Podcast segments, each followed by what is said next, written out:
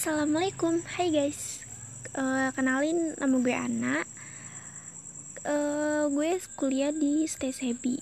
Kalau lo mau tahu tentang Stay Sebi Lo bisa nih cek-cek di Google. Karena tuh apa ya Kayak bagus banget gitu untuk kuliah. Untuk tahu ekonomi Islam. Gak hanya Islam aja sih Tentang bisnis juga Tentang semuanya deh gitu.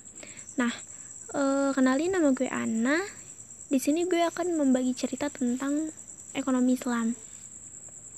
Dan ini tuh emang untuk memenuhi tugas semata-mata emang memenuhi tugas podcast uh, dosen gue gitu.